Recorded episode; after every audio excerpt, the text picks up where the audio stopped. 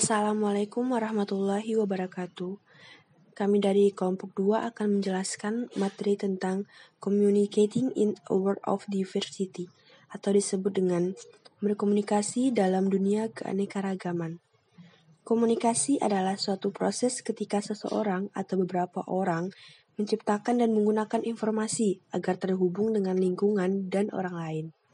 Pada umumnya, komunikasi dilakukan secara lisan atau verbal yang dapat dimengerti oleh kedua belah pihak.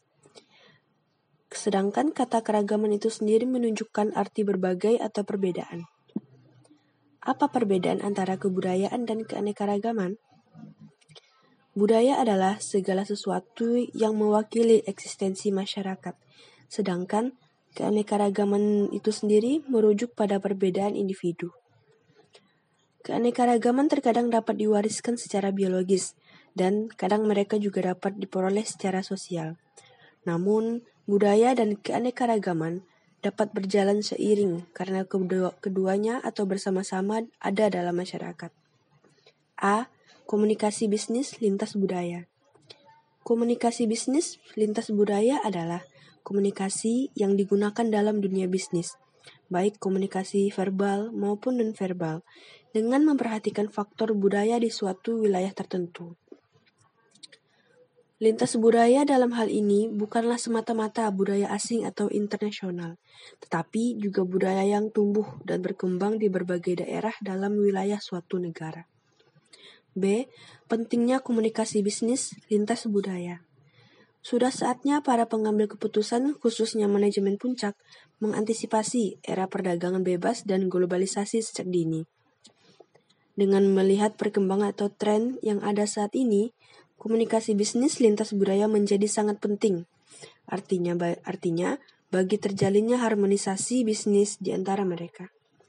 Bagaimanapun, diperlukan suatu pemahaman bersama antara dua orang atau lebih dalam melakukan komunikasi lintas budaya, baik melalui lisan maupun tulisan.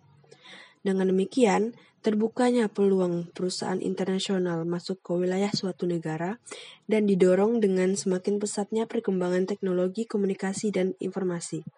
Maka pada saat itulah kebutuhan akan komunikasi bisnis lintas budaya menjadi sangat penting C. artinya. Mengenal perbedaan budaya. 1. Nilai-nilai sosial.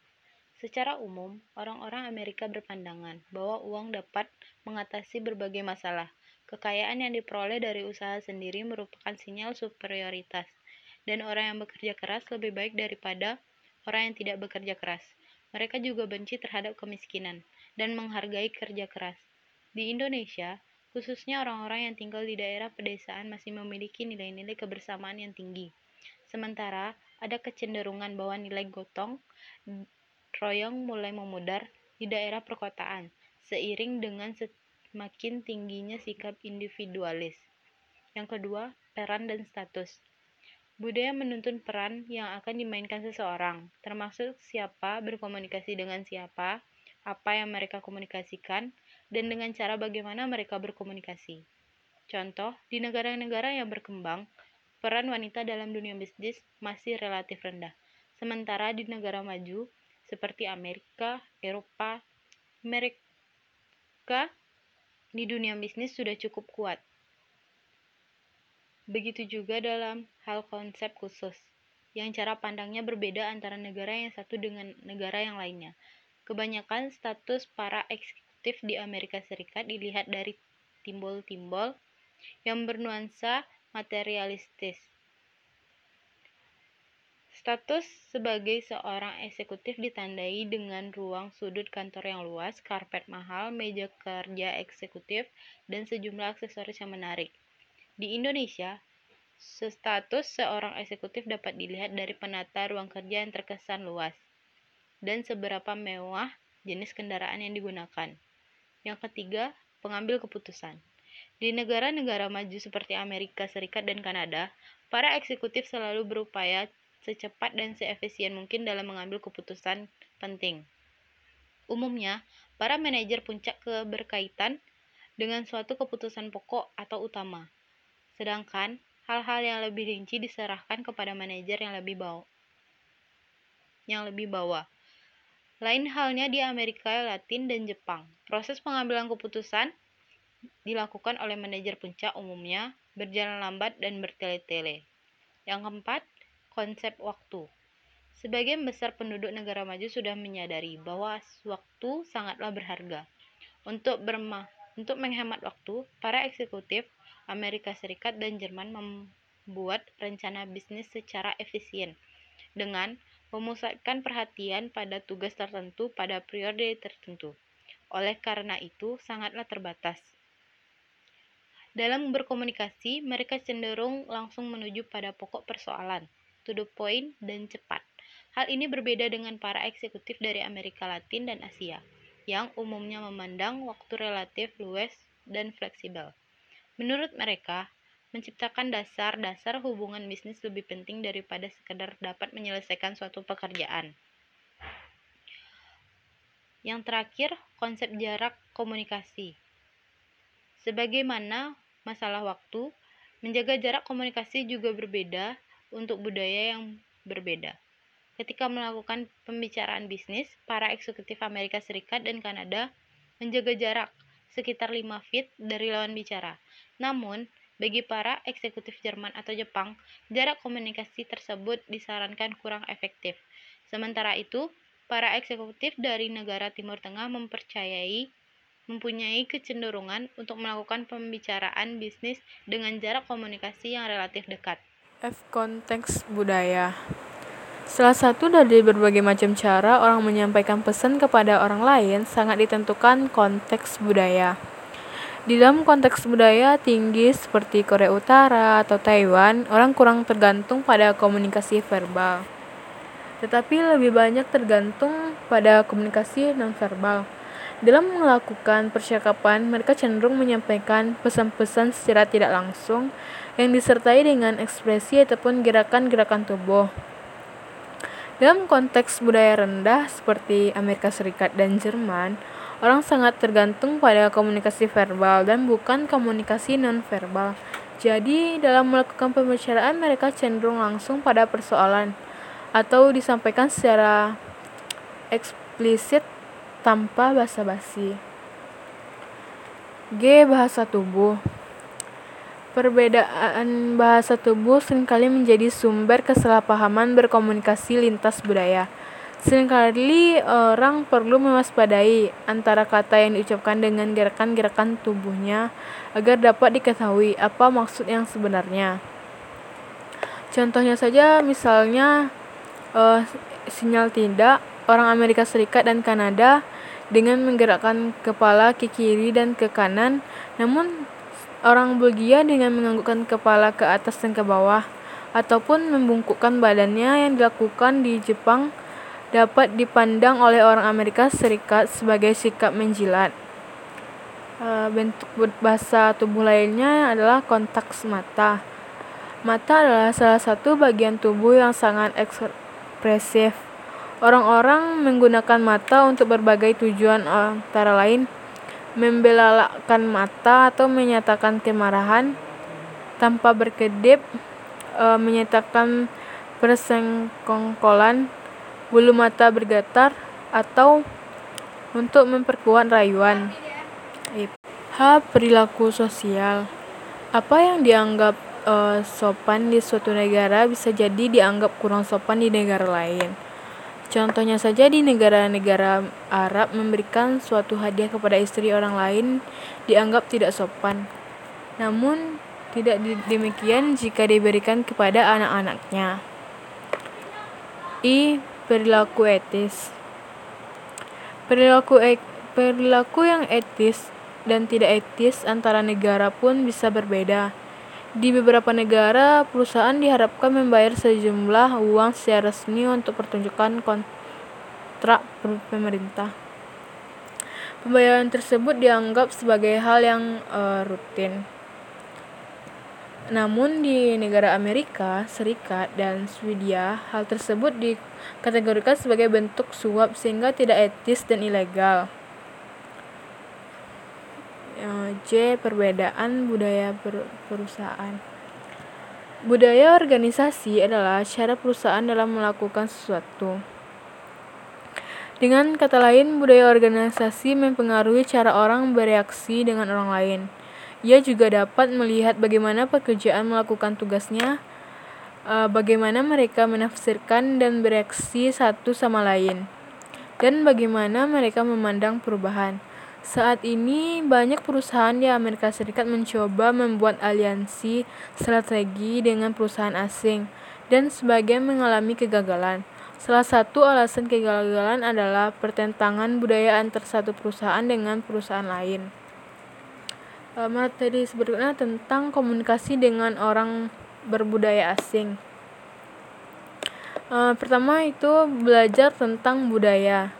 Ketika merencanakan untuk melakukan bisnis dengan orang yang memiliki budaya berbeda, seorang akan dapat berkomunikasi secara efektif bila ia telah mempelajari budayanya.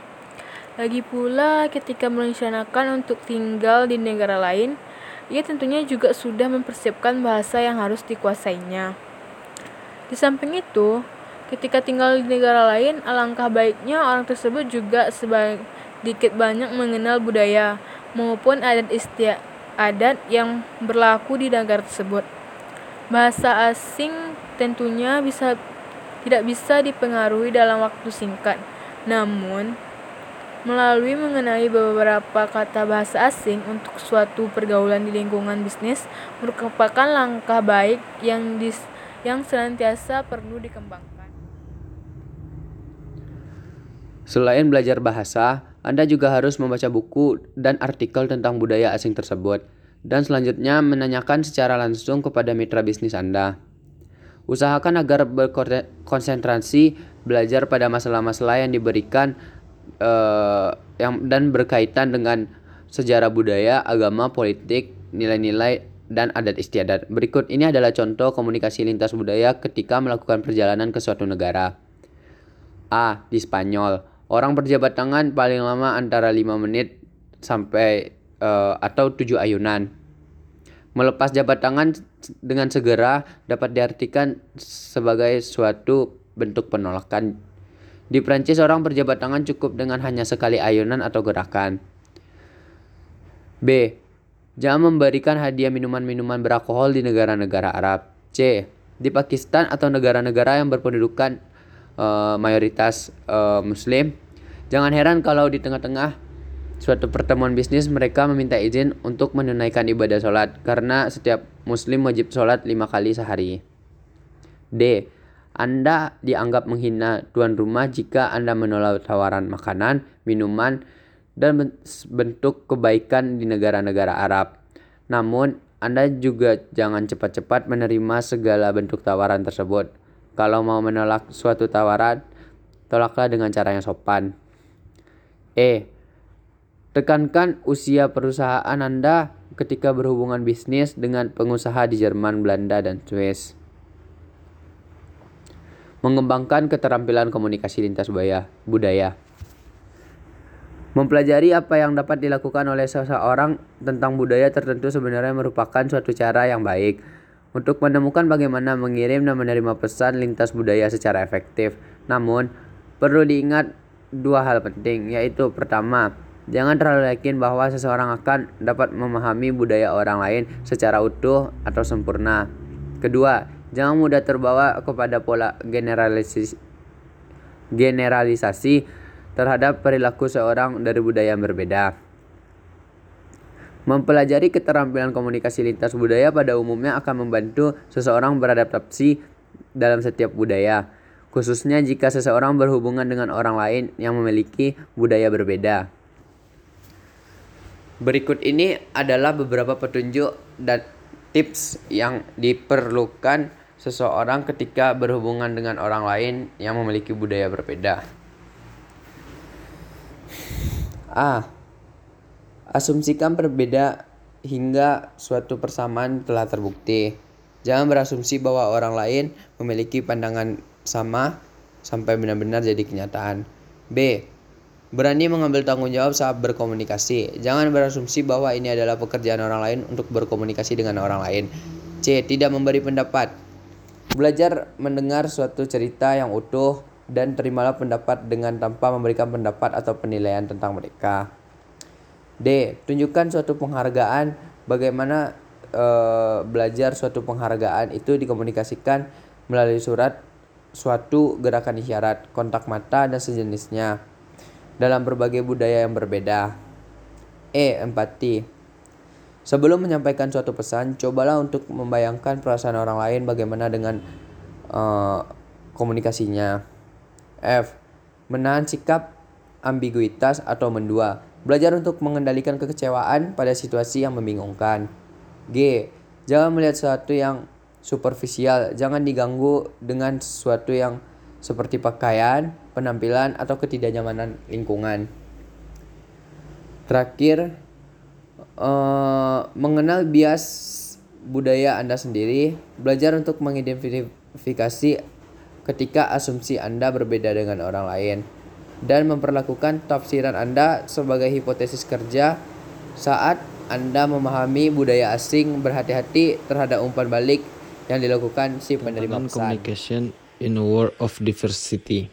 Dalam dunia kerja, perbedaan bahasa tentunya akan berimbas pada produktivitas karyawan dan membuat karyawan tidak harmonis.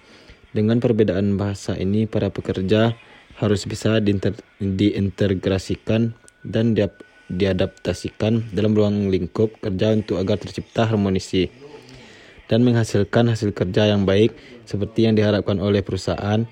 Diakini hal tersebut akan berimbas pada produktivitas karyawan. Karena jika ada perhatian khusus yang diberikan perusahaan kepada karyawan, dengan sendirinya karyawan akan memiliki semangat kerja yang lebih tinggi. Pekerjaan akan lebih termotivasi dalam bekerja jika mendapatkan perlakuan mengenakan dari perusahaan dan memberikan dampak positif untuk kedua pihak. Dalam setiap perusahaan, permasalahan yang sering terjadi pastinya berawal dari komunikasi, khususnya pada komunikasi verbal, perbedaan pemahaman, dan setiap karyawan yang berlatar belakang kebudayaan yang berbeda, khususnya dalam bahasa menyebabkan kesalahpahaman dan tidak terciptanya harmonis antar, antar karyawan. Permasalahan yang terjadi karena perbedaan pemahaman karena perbedaan latar belakang kebudayaan. Tantangan komunikasi antar budaya. Keragaman budaya yang dimiliki perusahaan mempengaruhi cara pesan itu disusun, dibuat, disampaikan, diterima, dan diinterpretasikan. Budaya mempengaruhi semua hal tentang komunikasi. Berikut adalah tantangan tantangan komunikasi antar budaya.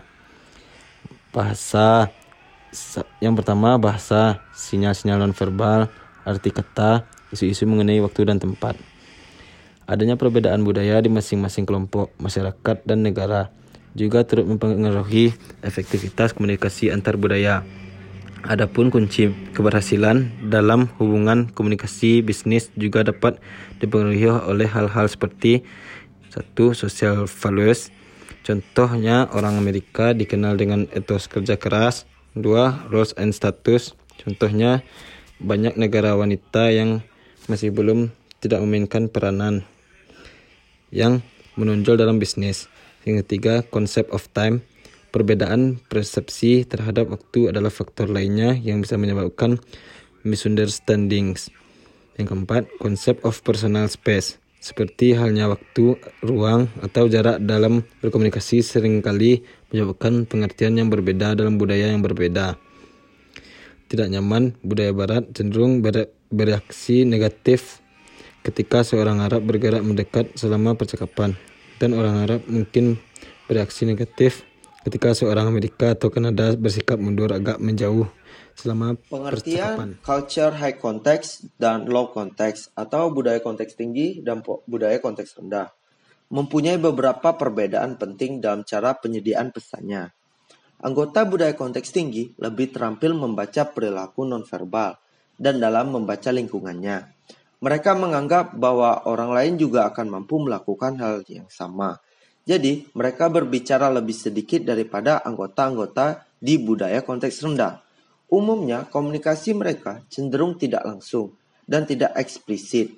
Budaya konteks tinggi antara lain ada negara Malaysia, Korea, Indonesia, dan Jepang. Budaya konteks rendah sebaliknya menekankan komunikasi langsung dan eksplisit. Pesan-pesan verbal sangat penting. dan informasi yang dikomunikasikan dalam suatu pesan, verbal, dan tertulis. Budaya konteks rendah contohnya ada negara Amerika Serikat dan negara barat lainnya. Strategi komunikasi yang disukai pada konteks tinggi di negara Jepang dan United Emirates Arab tidak secara langsung dan menekankan kesopanan. Sedangkan di konteks rendah, strategi komunikasi yang disukai di negara Jerman dan Amerika Utara perlu keterus-terangan, konfrontasi, dan kejelasan. Ketergantungan pada kata-kata untuk berkomunikasi di konteks tinggi di negara Jepang dan United Emirates Arab relatif rendah, sedangkan di konteks rendah ketergantungan pada kata-kata untuk berkomunikasi relatif tinggi. Ada juga perbandingan orang-orang Amerika dan orang-orang Melayu. Orang-orang Amerika memperhatikan kata-kata yang orang gunakan untuk menyampaikan gagasan, informasi, dan perasaan. Mereka umumnya tidak terampil dalam membaca pesan nonverbal orang lainnya. Sedangkan orang Melayu pada orang Indonesia juga sangat pintar dalam membaca pesan nonverbal orang lain. Misalnya, contoh mahasiswa sedang mengurus skripsi terhadap pada dosen. Maka mahasiswa harus membaca wajah uh, dosen tersebut apakah ceria, menyenangkan, punya waktu, dan bisa diajak konsul. Kalau tidak bisa membaca, mahasiswa akan dimarahi. Ada juga perbandingan melalui eye contact atau kontak mata. Contohnya orang Amerika Utara Melihat kontak mata sebagai tanda kejujuran. Orang yang berkomunikasi dengan orang lain tidak memandang mata lawan bicara, orang dewasa akan tidak sopan. Orang Jepang mengajarkan anak-anak mereka agar melihat orang jauh lebih tua hanya sebatas leher. Ada juga smiling. Pepatah Cina kuno mengatakan, orang tanpa senyum tidak boleh membuka toko. Senyum adalah bahasa universal yang bisa menutupi rasa malu, kesedihan atau duka, emosi, bahkan rasa marah seseorang. Yang ketiga ada gestures, mempunyai makna berbeda di tiap negara. Kalau di negara Bulgaria, orang yang mengangguk-angguk kepala bisa berarti mengatakan tidak dan menggeleng-geleng kepala mereka yang berarti berkata iya. Ada selanjutnya ada personal space. Jarak yang diinginkan seseorang, wanita atau pria, ketika berkomunikasi atau pertukaran yang bukan dalam kondisi intim. Hasil observasi dan eksperimen terbatas menyimpulkan bahwa kebanyakan orang Amerika Utara, Eropa Utara, dan Asia menginginkan ruang pribadi yang lebih besar dibandingkan dengan orang Amerika Latin, Prancis, Italia, dan Arab. Selanjutnya ada touch. Hasil studi di US menunjukkan bahwa sentuhan diinterpretasikan sebagai menunjukkan kekuatan, atau bisa diartikan membantu atau menolong. Orang yang jauh lebih kuat menyentuh orang yang kurang kuat. Ada time atau waktu. Masalah perbedaan waktu merupakan hal yang lumrah di belahan bumi mana pun. Tetapi yang jauh lebih penting adalah adanya perbedaan sudut pandang terhadap waktu, sikap terhadap waktu. Sekian dari kami. Wassalamualaikum warahmatullahi wabarakatuh.